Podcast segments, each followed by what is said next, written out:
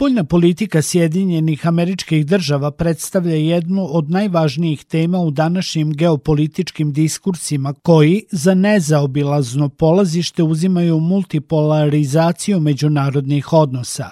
Peti predsednik James Monroe predstavit će načelo izolacionizma svojim predsedničkim programom koji je pročitao u Kongresu 2. decembra 1823. da bi kasnije upravo po njemu bilo nazvano Monroe ovom doktrinom. Glavna premisa ove povelje predstavlja američki oštar stav prema svakom uplitanju bilo koje evropske države unutrašnje političke i ekonomske stvari bilo koje teritorije, regiona ili države na zapadnoj hemisferi. Govoreći jednom prilikom o spoljnoj politici Sjedinjenih američkih država, bivši američki državni sekretar Henry Kissinger je primetio. Još nikada se nije dogodilo da jedna zemlja doživi takvo povećanje moći, a da istovremeno ne pokuša da proširi svoj uticaj na ceo svet. Monroeova doktrina je više od 150 godina sve do kraja hladnog rata zapravo bila veoma nelogična osnova američke spoljne politike, njena funkcija očuvanja sve američke nezavisnosti pretvorila se u legitimaciju za invaziju Sjedinjenih američkih država u zemlje Južne i Srednje Amerike. Naime, više od 100 puta je Amerika vojno intervenisala na ovom području. Amerikanci već dva veka gledaju na Latinsku Ameriku kao na svoje zadnje dvorište, a na pitanje čija je Latinska Amerika danas, Argentinac Andreas Malamut sa Univerziteta u Lisabonu kaže. We could say Možemo da kažemo, ali bez odobravanja, da je do pola zadnje dvorište Amerike, a od pola Kine. Šta pod time mislim? Latinska Amerika je podeljena. Severni deo, Meksiko i Centralna Amerika u mnogome zavise od tržišta Sjedinjenih država. 80% meksičkog izvoza ide ka SAD-u, dok je Kina najveći spoljno-trgovinski partner Brazila. Isto je u Peru, Urugvaju i Čileu.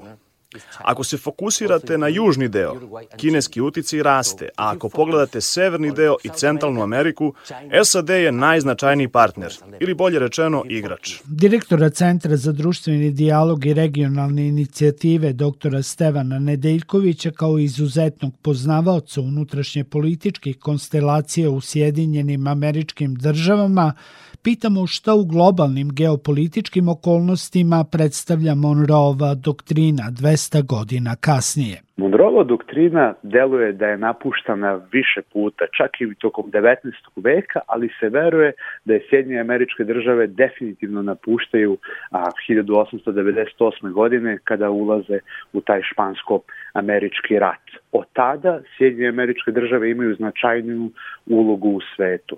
Monroeova doktrina je tako na neki način ostala jednostrana izjava volje, na način da ona je zapravo to uvek bila, neka vrsta izjava volje, zato što u vreme kada je donošena Sjedinje američke države nisu imali uh, kapaciteta i moći da je sprovode u delo.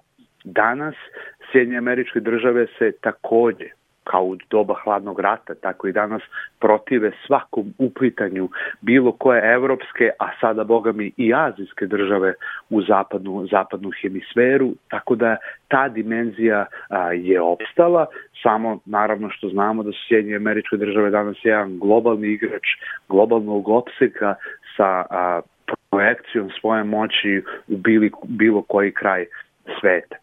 Tako da postepeno je, periodično i možemo da kažemo stepeničasto napuštana Monroeova doktrina od 1898. godine, tako da danas imamo Sjedinje američke države kao globalnog aktera koji se meša i u evropske i u azijske i u afričke poslove zapravo, jer njen a, domet i doseg je globalni. Posmatrajući Monroeovu doktrinu kao provizorijum jednog vremena, Woodrow Wilson je na Versajskoj mirovnoj konferenciji pokušao da američku spoljnu politiku definiše kroz ideju društva naroda u 14 tačaka.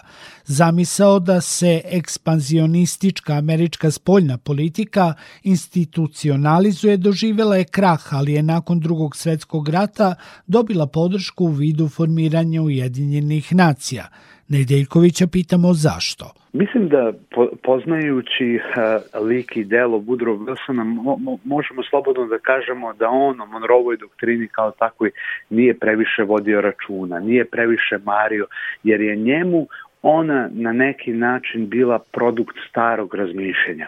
On pokušava da, da nadahnjuje svet sa novim, liberalnim i progresivnim idejama i da ih utka u jednu instituciju, prvu takvog tipa, što je trebalo da bude Liga ili Društvo naroda on u tome nije uspeo po najviše jer Sjedinje američke države e, nisu želele njihovo predstavničko telo, odnosno zakonodavno telo je odlučilo da Sjedinje američke države neće učestvovati u takvom poduhvatu, tako da Versajski sporazum nikada nije ratifikovan u Kongresu Sjedinjenih američkih e, država.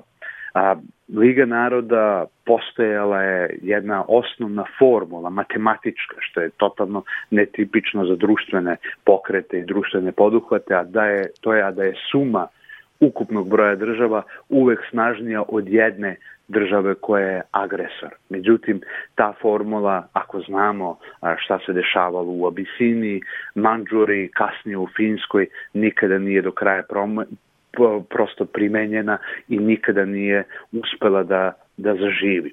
Pokušalo se sa uh, inoviranjem i nadogradnjom te ideje u okviru Ujedinjenih nacija, pa vidimo da i dan danas imamo uh, dosta nefunkcionalnih tela u okviru uh, Ujedinjenih nacija, pre svega Savet bezbednosti koji zavisi od volje pet, aj možemo da kažemo danas možda ne i najmoćnijih, ali pet sila koji imaju a, pravo veta, odnosno mogućnost da stopiraju bilo kakvu odluku i na taj način da spreče telo, odnosno Ujedinjene nacije, da efektivno odgovore na bilo kakvu agresiju, pretnju ili upotrebu sile. Tako da Monroeve doktrine danas rekao bih da je od nje ostalo jako malo, osim što je važno podsjetiti se iz kojih motiva i kada su Sjedinje američke države a, nju usvajale i kako danas izgleda taj svet 200 godina kasnije. Ja bih rekao prilično drugačije nego onako kako su ga zamišljali očevi osnivači SAD i kako su zamišljali ulogu Sjedinjih američkih država u tom svetu. Kroz 90. godine 20. veka, kada su Amerikanci ubirali plodove posle pada Berlinskog zida i raspada Sovjetskog saveza, činilo se da je taj ekspanzionizam na vrhuncu zbog čega se u jednom trenutku opterećeni krizama i rasnom segregacijom okreću vlastitom dvorištu.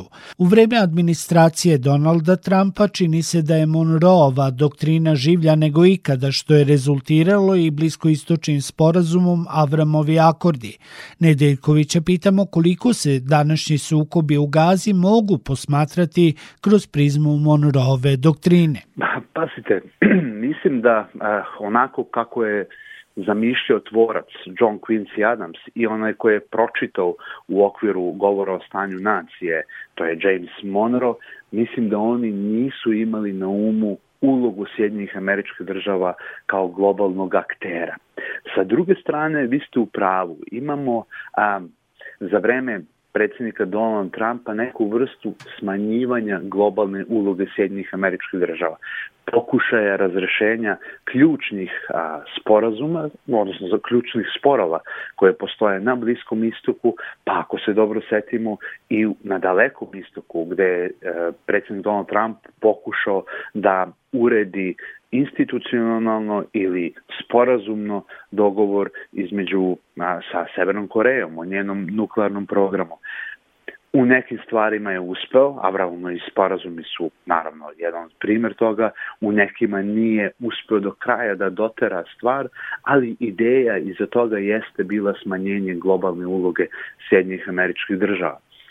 Kasnije sa predsjednikom Trumpom imamo neku vrstu povratka institucionalizovanom pristupu Sjednjih američkih država, gde se SAD vraćaju institucije i u sporazume koje je ranije napustio predsjednik Donald Trump i danas vidimo suštinski da Sjedinje američke države ha, možda ovo paradoksalno zvuče, ali čak i kad bi želele, ne mogu do kraja i tako brzo da se povuku iz globalne uloge. To nam potvrđuje a, ajde, ajde da kažemo Ukrajina, to on potvrđuje a, spor, odnosno sukob, direktni sukob a, a, Gaze ili bolje reći Hamasa i Izraela i evo ako možemo da projektujemo budućnost u najmračnijoj mračnijoj formi. Ako bismo imali sukup Kine sa Filipinima ili sa Tajvanom ili sa Južnom Korejom ili sa Japanom, mi bismo svakako i tu imali ulogu Sjedinjih američkih država.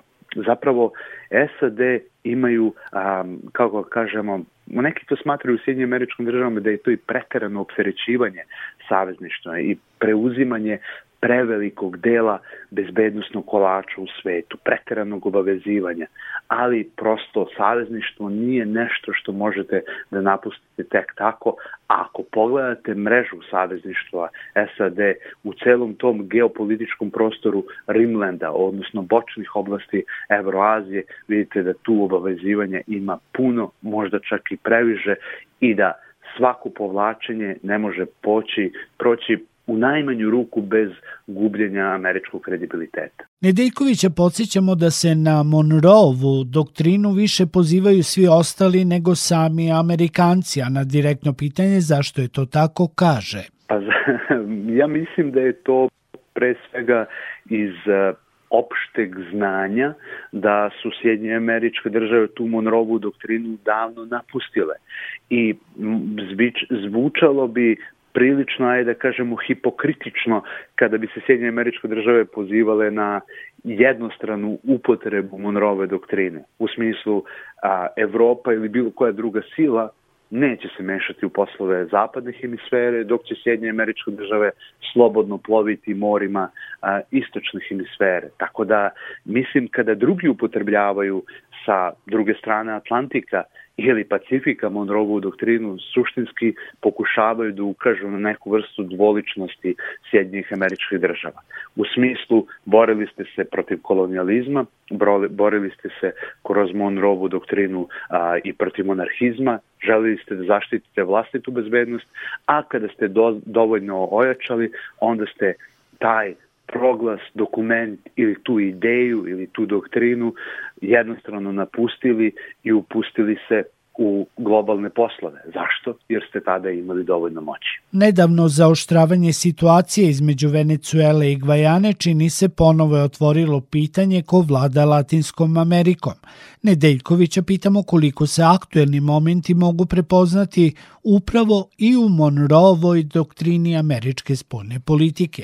Tako je, mislim da ste potpuno u pravu. I suštinski mislim i da naš razgovor upućuje da ovaj drugi deo ili prvi deo, ako hoćete, Monroeve doktrine o a, sprečavanju mešanja a, evropskih sila u poslove zapada hemisfere, gde se naravno tu ubraju i severna i južna, odnosno Latinska Amerika, da taj deo Monroeve doktrine suštinski opstaje.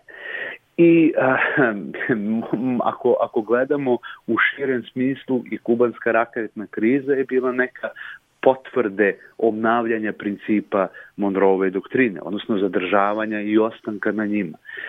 Sve ovo što se dešava trenutno između Guajane, između Venecuele u um, u regionu Esekibo svakako ne prolazi bez, bez budnog oka Sjednjih američkih država koje će svakako, koje imaju vojnu saradnju sa Gvajanom i koje bi bez ikakve sumnje, makar u domenu slanja oružja, pritekle u pomoć Gvajani ako to bude bilo potrebno. Tako da, a, a svakako bi a, Sjedinje američke države a, ne bi blagonaklono gledale na mešanje bilo koje druge države, recimo podršku u domenu na oružanje ili bilo koji drugi način Venecuele. Na to se ne bi blagonaklono gledalo i mislim da bi naišlo na jedan oštar, možda čak i oružani odgovor SAD. To dokazuje da je zaista taj deo Monroeve doktrine još uvek živ. Novi svetski poredak je kovanica koju je prvi put upotrebio američki predsjednik George Bush stariji, a koja je podrazumevala stvaranje novog poredka na sasvim drugačijim osnovama od hladnoratovske blokovske podele, uz monopolarnu moć u okviru koje bi se Amerika ponašala kao dobroćudni hegemon. Nedeljkovića pitamo šta znači nedavna Bajdenova najava novog svetskog poredka. Novi svetski poredak u zamisli predsjednika Joe Josefa Bajdena jeste neka ideja gde bi Sjedinje američke države još uvek zadržale dominantnu ulogu, ali gde se shvata jedna vrsta realnosti da u kreiranju principa vrednosti, normi novog svetskog poredka, morate da uključite druge. To znači da vi težite da zadržite ključnu ulogu u institucijama kao što je MMF i Svetska banka, ali morate da priznate uh, značaj kineske ekonomije koja je danas druga u svetu i koja je tek po nešto u obimu manja od američke. Novi svetski poredak po mom sudu u Bajdenovom uh, nekom značenju jeste priznavanje uh, realnosti u kome su se ostali uspeli u moći. Nisu dostigli Sjedinje američke države, ali Sjedinje američke države kao status quo sila znaju da budućnost neće biti baš pogodna za njih, u smislu da će do narastanja ostalih još uvek doći i otuda žele da uhvate ovaj momentum i uh, kroje po, svetski poredak na postojećim postulatima, vrednostima i elementima moći. Šef ruske diplomatije Sergej Lavrov nedavno je kazao šta misli o novonastaloj situaciji u Venecueli, podlačići to da se Kremlj protivi novoj Monroovoj doktrini i pokušajima Vašingtona da uz pomoć ove politike oblikuje Latinsku Ameriku po svojoj volji. Sektor Plus. Svet sa naslovnice.